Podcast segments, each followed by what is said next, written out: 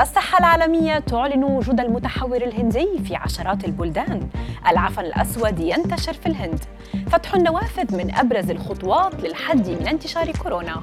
أبرز أخبار الساعات الأربع والعشرين الماضية في دقيقتين على العربية بودكاست.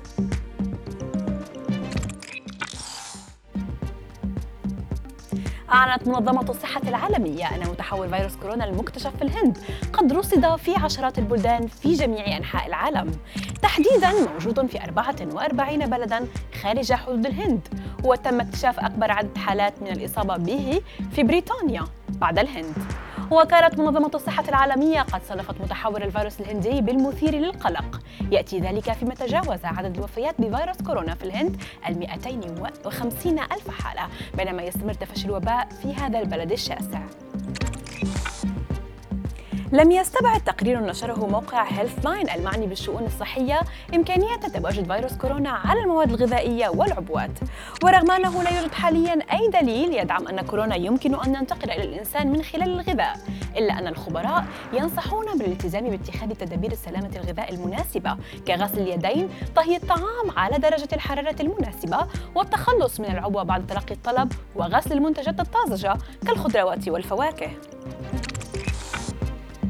قد يبدو فتح النوافذ وتهوية المنزل أمرا غاية في البساطة لكن تبين أن تلك الخطوة لها أهمية كبرى في زمن الجائحة.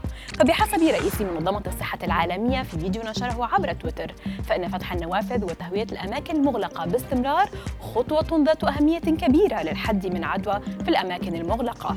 كما لخص الفيديو أبرز الطرق التي تحد من انتشار الوباء مثل التباعد الاجتماعي مؤكدا أن ممارسة مثل هذه الأمور تعني الكثير في سباق مكافحة الانتشار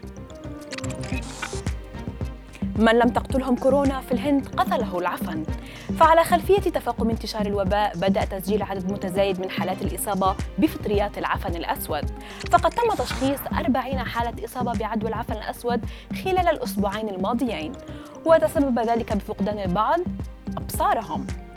فيما توفي ما لا يقل عن ثمانية أشخاص بعد إصابتهم. هذه العدوى الفطرية النادرة تؤثر على الجيوب أو الرئتين بعد استنشاق بكتيريا الفطريات. وغالبا ما توجد في الغرف والأسطح الرطبة والأتربة والنباتات والخضروات والفواكه المتعفنة.